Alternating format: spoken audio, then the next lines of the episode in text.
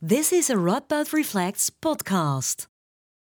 Good evening, ladies and gentlemen. Welcome on behalf of Radboud Reflects to this evening program on space wars um, or uh, war theory for in space. Um, we're going to talk about this hot topic tonight, which you may have uh, read about in the media recently. NATO, of course, has said that space is now a warfaring domain. Uh, the United States has come up with this Space Force thing. Um, uh, or you may have read in, uh, about this in Trouw yesterday, where Lonneke was interviewed. Um, we have Lonneke here with us tonight, Lonneke Peperkamp, philosopher of law, uh, who will be uh, giving us a lecture on the need for a, a legal framework for wars in space, uh, why that's different from wars on Earth, uh, why it's needed now, what the urgency is. After her lecture, I'll, I'll, have a, a, brief interview with her, and then there's room for questions from the audience. So if you, if you have them, save them for uh, the last part of our meeting tonight, uh, and you'll get the chance to ask your questions. Uh, Lonneke, the floor is yours.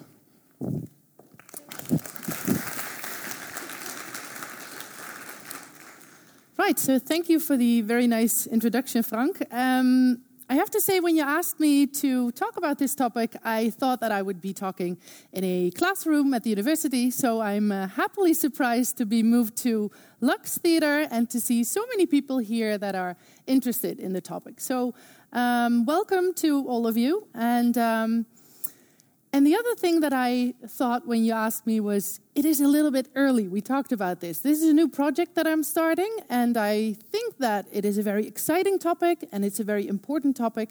But I've uh, been working on it now for a little while, um, and hopefully in the future I will have um, uh, a lot of time to uh, write about this. So I'm very happy with the opportunity to share my first ideas about this uh, topic. Right, so we live in a time of a new race for space. So the old space war uh, started in 1957 with the launch of Sputnik 1. That was essentially a space race between the Soviet Union, Union and the USA. And today we see a new space race. So that is in uh, all sorts of ways different from the old space race. But I will talk about that more um, tonight.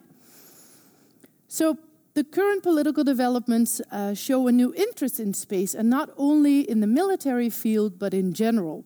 And that renewed interest in space comes with certain risks, and that is why I think it's very important to have clear rules to determine what is allowed in space and what is not allowed. So, ideally, the revival of space should go hand in hand with some sort of shared idea of uh, the direction in which the rules should develop in the future. And the goal is, of course, to use space, uh, but to use it in a responsible and in a sustainable way. So that is the, the summary of, uh, of my talk tonight. And what I will do is first to give you a bit of context, so to sketch some developments, uh, also to we'll talk about the specifics of the space domain um, and the potential sources of conflicts, and then I will give you a brief map of the uh, of the normative framework, so the legal status quo, also the moral norms of just war theory, and point out some challenges for both of those fields. Um, and then I will take a step back and consider the underlying values. Uh, and that might be helpful in developing um, a further uh, specific rules for space. Okay, so after land, sea, air, and cyberspace, space seems to be and become the new battlefield. So, from the beginning of human exploration, space has been a militarized environment. But you see uh, today that states are becoming more and more proactive when it comes to military um, space strategy. So there are different things that you you mentioned it now also shortly. Uh, different things that you might have read in the paper. So developments in the last well year or so uh, the NATO in December officially acknowledged space as a warfighting domain, so they are formulating an overarching policy for space. Um, and for now, at least, they are focusing on, um, on protecting their military assets in space.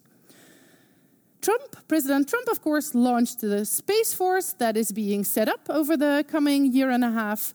Um, there are all sorts of countries that are developing uh, space weapons. So uh, countries are also testing ASAT weapons, so anti-satellite weapons. Uh, Russia, China, um, the USA, uh, Israel, all test these anti satellite weapons. And India last year was the last country to test their own weapon. So, this is to show the world what capabilities they have, uh, but also in doing so, they create significant space debris. So, that is something else that you might have re- read in the news uh, the growing problem and very serious problem of space debris, junk in the orbits around Earth. We also see that satellites, so uh, uh, that is usually tracked when there are um, satellites being launched into uh, space. But there are uh, situations in which a satellite was launched and then uh, some piece broke off. We thought that that would be a piece of space debris, and then suddenly that piece of debris starts moving and move starts manu- uh, maneuvering closer to other satellites uh, what is called uh, close proximity operations. So it isn't really clear then what those satellites do and what the purpose is. So the risks and the stakes are high. Space is seen as the ultimate high ground with which to gain military superiority on the ground. And at the same time, uh, it might offer strategic advantage for militaries, but it is a vulnerability too, because uh, states then depend on space technology. So uh, satellites are vulnerable, so that strength can be turned into a weakness. An attack on a satellite or collision with a piece of debris can prevent armed forces from, from flying drones, from uh, guiding missiles to target, from uh, determining the position of enemy troops, um, monitoring human rights violations, the occurrence of war crimes, uh, refugee flows, but it doesn't have only these military consequences, it can also lead to um, disabling of commercial aviation, of weather predictions, telecommunications, the phone stopped working, electrical grids, um, financial transactions. Everything depends on space. So humankind has come to rely so heavily on space that the disruption of space infrastructure would have devastating consequences for life on Earth. So um, space technology is deeply ingrained in many of our daily activities. And yet, you see that there is a troubling lack still of general awareness of the security risks that are involved with that. Oh, let me. Better late than never.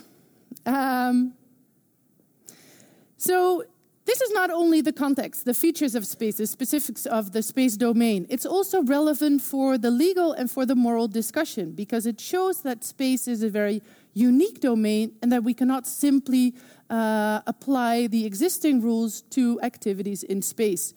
So, first, there is a variety of actors. So, compared to the old space race, in which there were only a few state, uh, spacefaring countries, uh, today there are uh, a lot more actors in space and also a larger variety. So, commercial players, the space industry is booming, and even for individuals, it is getting more and more easy to launch satellites uh, into space.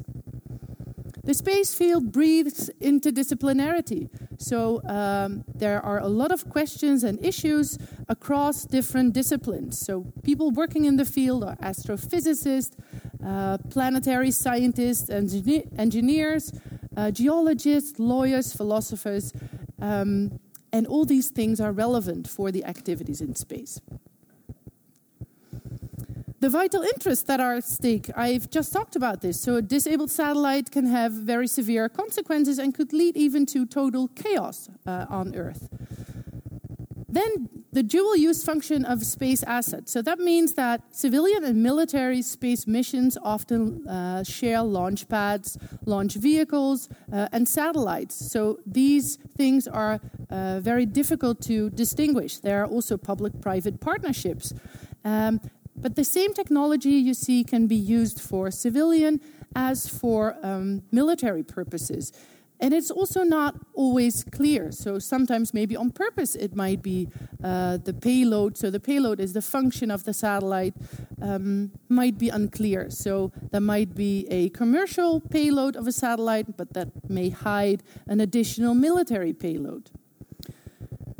Space debris. So, as I said, this is a serious problem and a growing problem. So I've looked up the um, estimates of ESA, and there are around 5,000 satellites now, but only around 2,000 of them are uh, working satellites. So the rest of them is defunct, derelict satellites, and that is space debris too. It has no function anymore.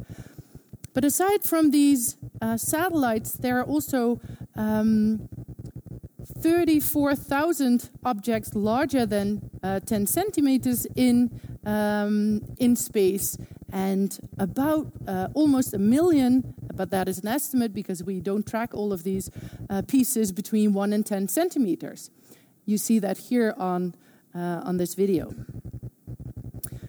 So that is not only a problem because it is a pollution of space, but also because it creates danger for um, for space uh, flights, for International Space Station, for working satellites. So it can collide with uh, these working satellites uh, and destroy them. But also debris can increase. So, this is what is called the Kessler syndrome. I don't know if people here have seen the film Gravity, which starts with a kind of a dramatized depiction of the Kessler syndrome. But the idea is very real that pieces of debris collide with each other because of the speed at which they move in the orbits around Earth, and that you get an increasing amount of space debris because they keep colliding and it keeps getting more as of yet, we don't have a good solution to clear uh, that debris uh, and to, uh, to remove it from uh, the orbits around Earth. So there are plans for this, technologies are being developed, but we don't have, as of yet, a good solution for that. The next uh, uh, um, operation is Clear Space One of ESA, and they are planning to do a big cleanup operation in 2025 the rapid development of space technology. So it's very difficult to assess what is a matter of science fiction and what is something that is actually feasible and will happen in the near future, and therefore something to prepare for. So these innovative technologies are developing very rapidly. And then the last one, uh, of course, the absence of boundaries. So the lower boundary of space is unclear, so it's probably around 100 kilometers from the surface of the Earth where space starts, but there is at least no legal definition of um, that lower boundary of space, and uh, there's definitely no upper boundary of space. So space might be infinite, incomprehensible as that might seem. And also the lack of gravity, uh, the speed at which um, objects move around Earth, and the general sort of inhospitable and dangerous environment of space make it a very unique domain. Then there are various sources of conflict. So uh, before I go into these sources of conflict, space is also a very good opportunity to work together. So it's often said that the uh, cooperation in the context of the International Space Station is quite a big success. Uh, but there are sources of conflicts as well. And I've talked about the militarization of space. Um, but you see that uh, the increasingly dominant presence of states in space uh, and the aggressive language that that might be uh, cause for, or that might that might stimulate an arms race in space. Uh, so a space weapons race, and there are risks involved there in terms of tension and the outbreak of conflict. Crowded orbits. So the space around Earth is increasingly congested, not only because of the space debris that I've talked about, but also because of the amount of satellites that is being launched into the Earth. So you might have heard of these companies, SpaceX, for example. They are um, they have projects in which they don't launch one satellite, but mega constellations of satellites. So the idea of Starlink of SpaceX is that there will be 7,000 or even more satellites which form a constellation and which will then bring super fast internet in every corner of the world. It was also big in the news uh, last year in Holland because you saw this train of 70 um, satellites uh, on the night sky. So space is getting more and more congested. The colonization of Moon and Mars. This might sound like science fiction, but there are serious plans to return to the Moon and to go to Mars, not only of, uh, for example, uh, NASA, but also companies. So uh, you've heard Elon Musk uh, about talk about the colonization of the moon and of Mars. This is a tweet which is Uh, kind of funny, it went viral not because it's dubious to say that you're going to colonize and occupy uh, territories, but because this is a picture of uh, a blood moon and not really a picture of Mars. Um, space mining. Uh, there are all sorts of commercial activities and technologies that are being developed uh, that want to mine resources from celestial bodies. So there is a risk of a new gold rush in space and huge commercial interests. And then the last one, tourism in space. For example, Virgin Galactic is uh, focusing on this um, human space travel just for the fun of it. So there have been paying tourists that are being that are have been brought to the International Space Station. There are new plans to bring tourists there, uh, but also there are commercial spaceports that are being built um, and companies that offer orbital flights, so flights that will make a full round um, uh, around the Earth, a full orbit, and suborbital flights, so flights that reach space about 100 kilometers uh, and then go back to Earth again. So you can see that unbridled, and then I don't even discuss the possibility of encountering other life forms, but you see this sort of source of conflict in science fiction movies. Um, unbridled competition, resource exploitation, uh, national rivals, rivalries, um, new sort of forms of imperialism, progressive weaponization of space. Uh, you can see the risks that are involved here when these developments are actually going to happen in the future. So, against the backdrop of today's rising geopolitical tensions, I think that these developments can lead to serious risks. And there are two sort of scary scenarios. And uh, those scary scenarios are related to the security risks and the environmental risks. So, the first scary scenario is a wild west in space. So, um, an area where the law of the jungle prevails, uh, might makes right, uh, weapons that are being used, no clear rules outbreak of conflict. Um, so, all sorts of different security uh, threats. And the other one is a tragedy of the commons. So, Garrett Hardin wrote a famous paper about this in 1968, in which he discussed a shared resource system. So, um, a resource that is owned by no one but shared by everyone, be it a common field in which, which um, um, animals can graze, or uh, the other uh, natural resources of the earth.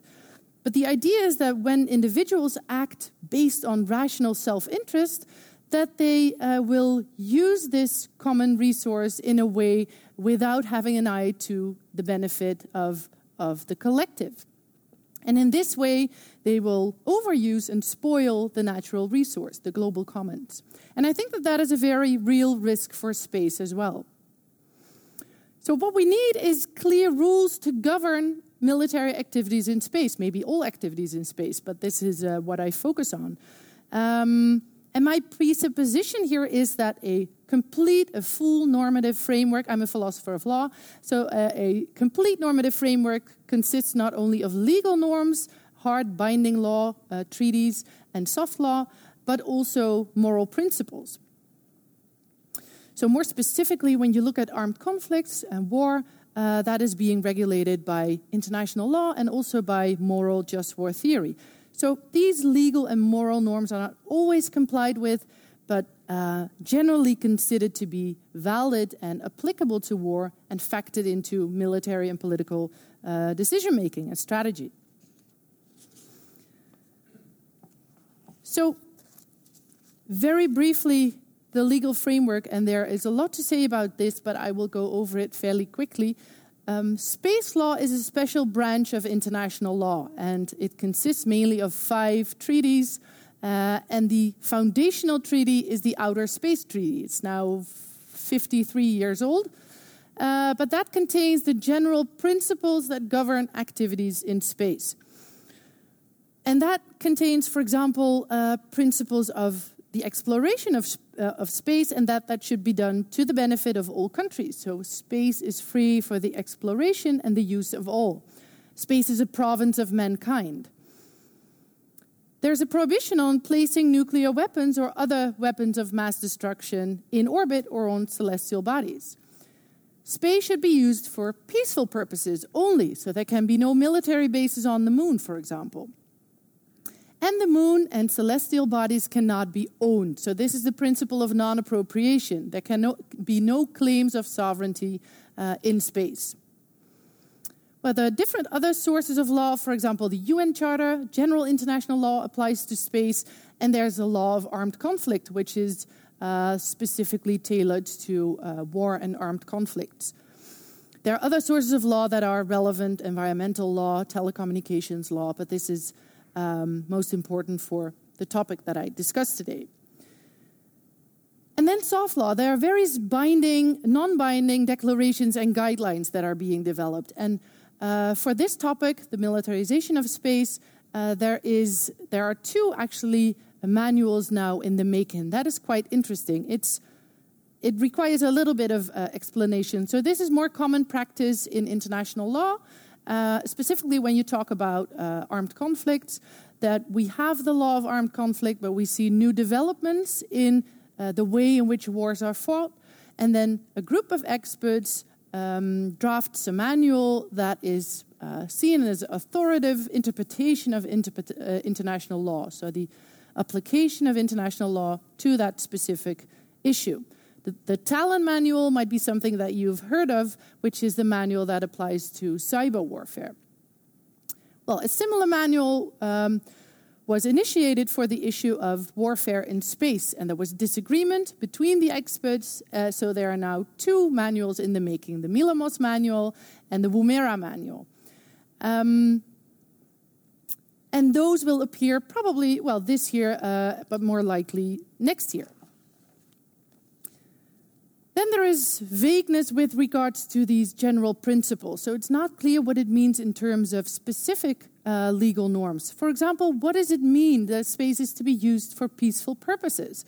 We see that space is being militarized, uh, and there is a, a, legal discussion about this, an extensive dis- uh, discussion, that, and there is a difference between the militarization of space, which is um, legal according to international law, according to uh, experts, and the weaponization of space. So, space is used as a more supportive um, for warfare on Earth, but the unbridled weaponization of war uh, of space is probably illegal according to the Outer Space Treaty. So there is a fear that uh, space is being weaponized in the not too distant future. Some people say that it is probably already weaponized, but there's uh, some secrecy here, so we don't really know that. But it is the, the question is where what is allowed uh, and what is not within the context of pe- peaceful purposes. What does the province of mankind actually mean? So this is a concept that is similar to uh, a global commons, such as the Antarctic or the deep sea. Um, and there is a tension here. So states have a right to explore, explore space, but it is also the province of mankind. So, how do you use a common environment such as space? How should we perceive uh, the concept of sovereignty? So, there can be no, no sovereignty in space, but the uh, Charter of the UN applies to the domain of space, and that legal system is entirely built upon the idea of uh, national sovereignty and territorial integrity. So, how does that relate to each other? And what do we do with the acquisition of property? So, there are different companies that are exploring and investing in these technologies to mine resources. There can be no appropriation in space, but can these companies um, uh, claim sovereign uh, property rights over resources such as water, uh, minerals, and um, metals. So, also here there is a legal discussion, um, and it's not really clear what is allowed in that respect and what is not. So, there are different legal challenges, you could say. I've talked about the vagueness and the gaps that has to do with the fact that the uh, specialized branch is quite outdated, uh, that there are developments that we see now that were not foreseen when the treaty was drafted, the Outer Space Treaty, for example, technological developments, the variety of actors, uh, the commercial actors, um, the problem of, of space debris. So you see that there is vagueness and that there are gaps here. There's no unitary legal framework, so that is the fragmentation of international law, which is a general problem, but also something that you see here in the domain of space. That leads to incoherences. So when different bodies of law apply, um, how do you interpret then the law? For example, um, how is the use of space for people peaceful purposes? Uh, how does that compare to uh, the inherent right of self-defense that is entailed in the UN Charter?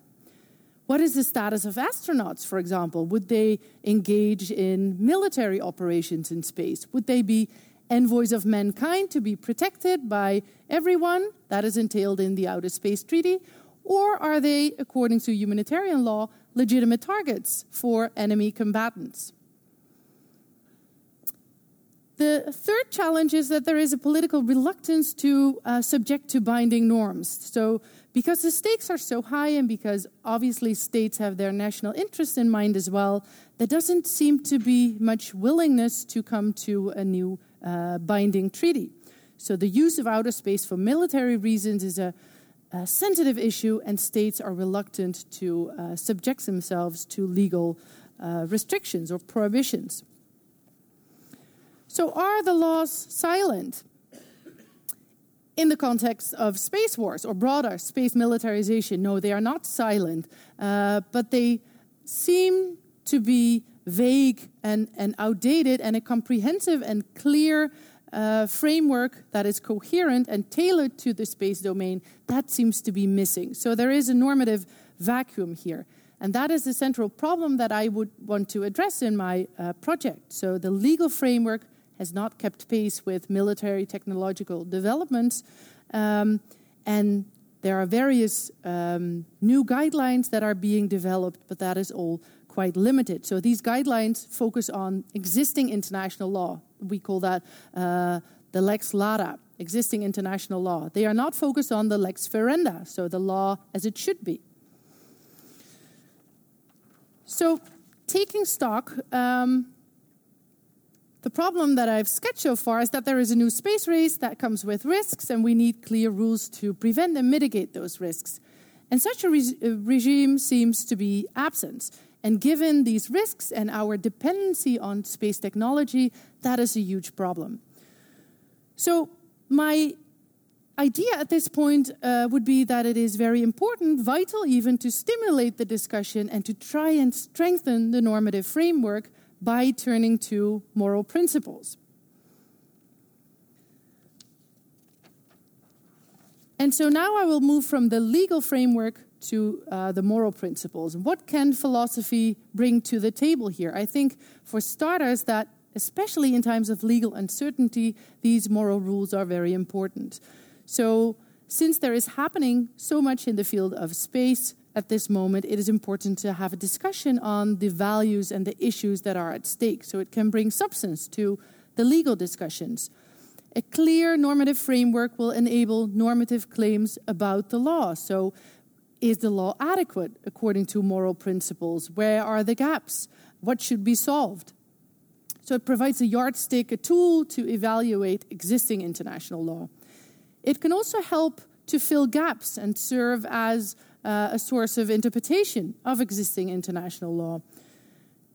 And then grounding existing law in moral principles uh, will help to provide legitimacy, so increase compliance. When the law corresponds to what morality requires, it is generally perceived as legitimate, and that increases compliance with the law. So, as I said, these binding or non binding guidelines, sorry, these manuals are focused on the lex lata. And I think that in this context, it's very important to focus on how the law should be, the uh, lex ferenda. Which way should the law develop? Which values do we want the law to reflect? And what moral principles um, should, we, um, should we see as guiding principles for the development of space law? So, in this way, it stimulates the development of international law and can show the direction in which the law uh, can or should develop. Now, just war theory can be a starting point here. We don't have to start from scratch, we don't have to uh, reinvent the wheel. When you look at moral theory in, in the context of war and armed conflicts, uh, just war theory is a very popular uh, and well established field. So it's a subfield of political philosophy. Um, so it's a theory on the rights and the wrongs of warfare, essentially the morality of war. Uh, but given this, so you could say, okay, that's that then, we have the moral principles, but given these specifics of the space domain, I don't think also here that we can simply apply these moral principles to warfare and militarization of space. There has to be some sort of translation of those principles. And what you see in the few papers that I've um, uh, read about this topic is that there are two pulling forces, two sentiments, and those you see in just war theory itself as well. So, on the one hand, there's an idea of uh, idealism, so seeing space as a sanctuary, as something pristine, a pristine environment that we have to protect for the benefit of mankind, and that is to be used only for peaceful purposes. On the other hand, you see the developments in the world today. So you see that space is in fact militarized and that it is used as such. And maybe um, the weaponization of space is something that is happening in the future, and states are uh, just preparing for that. So we should maybe just go and regulate it. So you see these two pulling uh, forces.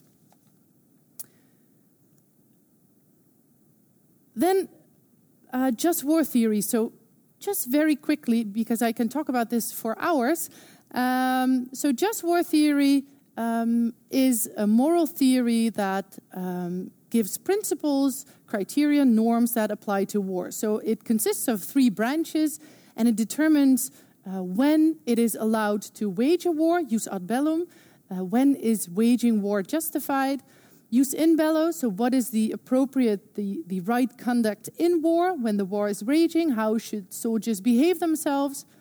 And jus post bellum, so how should uh, the uh, situation be solved when the war is over? How should we rebuild the peace afterwards?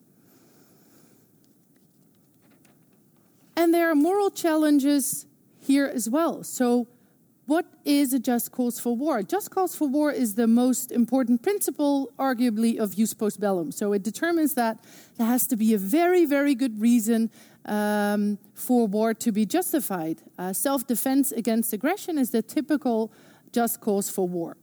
So just war theory is aggression centered. And what is required for a justified self defense is an act of aggression. So, an unjustified military attack um, against the sovereignty of another state. But in the context of space warfare, uh, the scenario might be different. So, what is probably the most likely act of space warfare is a cyber attack on a satellite. Is that an act of aggression against states uh, against which states can defend themselves? Um, so this raises the question as to what is actually at the heart of the concept of aggression what is um, important here. And you see that the concept of aggression has sort of fuzzy edges. So there's a discussion in just war theory as to whether or not we should extend the concept of aggression. So maybe it's not about, well, necessarily uh, an army with tanks lining up at a border ready to march in, but maybe it's about uh, a violation of basic human rights of citizens. Or maybe it's an intentional attack um, that violates the basic interest of a state. What is exactly at the heart of the concept? And can an attack on a satellite um, rise to the level of the use of force? Is it potentially serious enough to justify taking up the arms? This is especially relevant in the context of the NATO uh, acknowledging space as a warfighting domain. So, when is an active space war um, serious enough to trigger the uh, Article 5 principle of collective, self, uh, collective self-defense? When is it seen as an attack? What are the relevant actors? So, suppose there would be an attack on a satellite. Um, it is likely that when something, when a satellite is disabled, we are not really sure what the problem was. Was it some sort of technical problem? Uh, was it an intentional attack? Was it a collision with a piece of debris? Um, so it's very difficult when something would happen, in all likelihood, to attribute it to a certain state. So against whom should you defend yourself? And this is what you see also in just war theory and what is called the attribution problem. Sometimes it's very difficult to attribute certain actions to a state. The principle of discrimination. So, how the principle of discrimination means that uh, soldiers in war need to discriminate between legitimate and illegitimate targets. And civilians, for example, can never be intentionally targeted. What does it mean, the principle of discrimination here? What are legitimate targets in space? So, I've talked about the dual use purpose of satellites and space assets in general. It is very difficult to determine whether a satellite that is being used by the military, but also by civilians, uh, for example, GPS, um, whether a space system could be a legitimate uh, target. Also, there might be commercial satellites uh, who whose owner sells services to military branches. Could this then also be a legitimate target? And I've talked about the status of astronauts. So that is, it might be quite difficult to discriminate between legitimate and illegitimate targets. And then the last one, the proportionality. So proportionality is a principle uh, that is important in just war theory, and it involves uh, a balance between estimated costs and benefit. So is the good that the war will do or uh, the prevented evil does that weigh up to the negative consequences of, uh, of a war? Or in the war when the war is raging um, is a specific military attack worth it in terms of the military advantage uh, weighed against the costs in terms of casualties destruction uh, costs? So those are proportionality calculations. And that is also probably difficult to determine when it comes to space warfare. So, how does the creation of space debris weigh into these calculations? Or how should we weigh a violation of, of interests of the population, maybe economic uh, damage that is done uh, by a cyber attack in space? So, these are the moral challenges when you look at the principles of just war theory. And we need, therefore, I think, to take a step back and to consider what the underlying values are. So, the law of armed conflict and just war theory uh, aim to limit war and to make warfare as humane and least destructive as possible. So, it aims to limit the uh, negative consequences of war. The underlying values are that uh, it is about the protection of collective and individual human rights, and the avoidance of unnecessary harm to humankind. But this is very much an, what we call anthropocentric view. It's very human centered. We consider only the value of human beings.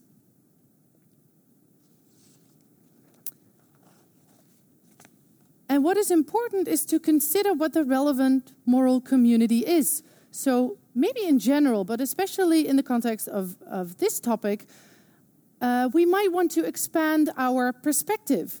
So, expand the circle of moral, moral worth. What do we integrate into moral uh, considerations? So, so far we have been focusing, as we mostly do, on the interest of us, human beings. What rights are infringed upon, uh, what interests are damaged, what uh, sort of damage is allowed in uh, achieving a certain goal. But given the specifics of the space domain, I think that there are other things to integrate into these considerations. So, the first step would be to broaden our perspective and to consider future generations, so future people. This is a matter of intergenerational justice. And I think um, so. There is a problem here in philosophy, it's called the non identity problem. Uh, Derek Parfit showed that it is quite difficult to uh, see how we can have obligations towards future people. Um, but I think that it is possible to say that we have obligations not to unnecessarily harm future generations.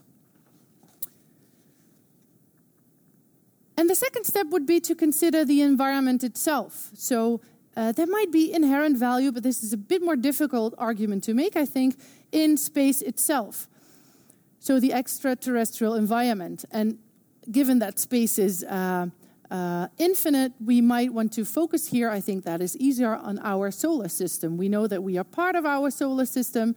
Uh, we have a quite a clear view of uh, of what the solar system is, and I think that there might be reason to uh, to think that there is an inherent value in protecting the solar system for its own sake. So not only because it is instrumentally valuable to us human beings. So I'm inclined to think that there is something to such an argument, and it ties into seeing space as a sanctuary.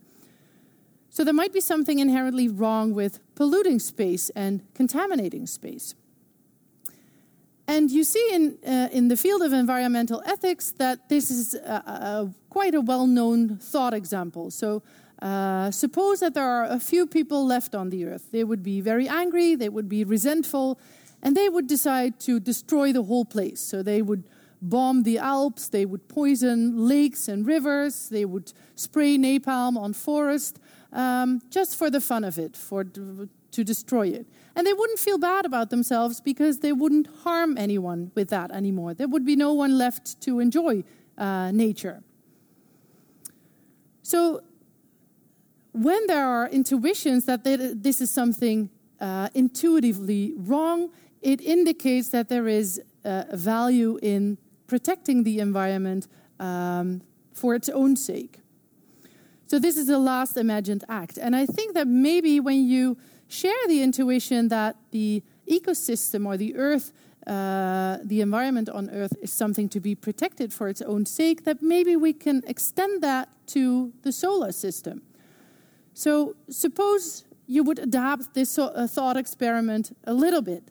Um, and it's not too far fetched because I read about uh, garbage. We tend to export our garbage to Asian countries so that they can recycle everything, but they don't want that anymore. So last week it was in the news that Malaysia is sending back all this trash, all the garbage. They've sent tons of garbage back to the European Union, to Canada, to the USA because they don't want to be the world's rubbish bin anymore. Suppose that we would be able to send the rubbish out into space. So there would be some far corner of the solar system. We could dump all our rubbish there and we wouldn't use that corner of the solar system in the future. We would never be able to use it, so we wouldn't come across it anymore. Problem solved. I don't know about your intuitions, but I would think that there is something wrong with that intuitively. Um, and so I think that that indicates that it is worth protecting the environment uh, for its own sake. And when something is intrinsically valuable, such as the solar system, perhaps, that generates a prima facie duty to protect it. I don't know how it weighs. Maybe it doesn't weigh up to the interests of the whole global population, but there is probably some value um, there.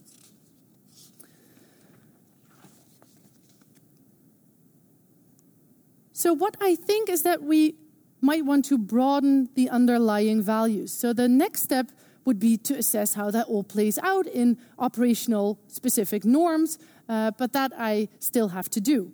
So, um, I think that strengthening the underpinnings um, and stimulating the discussion and focusing on these underlying values that, that can help with the development of the normative framework and that this can show the direction of future um, developments.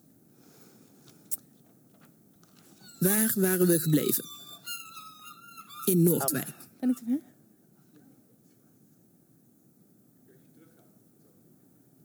Oeps. Um,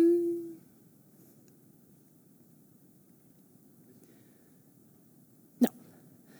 My last slide. So, I'm not a Kant specialist, uh, unlike some of my colleagues, but this is a very um, suitable uh, quote, I think, from the Kritik der praktischen Vernunft, so the critique of practical reason. And in this uh, passage, Kant says that two things fill the mind with ever more an increasing admiration and awe respect. Uh, the more often and steadily we reflect upon them, the starry heavens above me and the moral law within me. So he further writes that uh, the first regards him standing in the limitless magnitudes of world upon worlds and systems upon systems. And the second begins with his invisible self, But at the same time, he can see them both very clearly. They are not some sort of veiled obscurities, he writes. So I think that Kant's time was totally different, of course, and the sky was generally uh, pristine then. Uh, but this is a, quite a nice way and a thought provoking way of thinking about this. Maybe in this time of uh, the exploration of space and the militarization of space, we need the moral law within us to regulate activities in space. So, while doing justice to our ideals and um, considering this moral law within us, we still have to be um, realistic uh, in terms of what we can achieve. And between those two, those two values, there has to be some sort of uh, balance. So, this might be an attempt to find a way to use this domain, but in a responsible and a sustainable way. Thank you.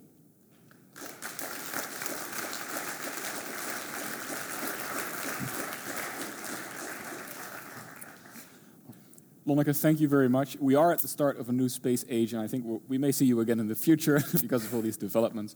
Uh, thank you very much for coming. Thank you for your questions, and uh, we'd like to see you at our next Radboud Reflects event. Thank you very much. Thank you. Thank you. Super leuk.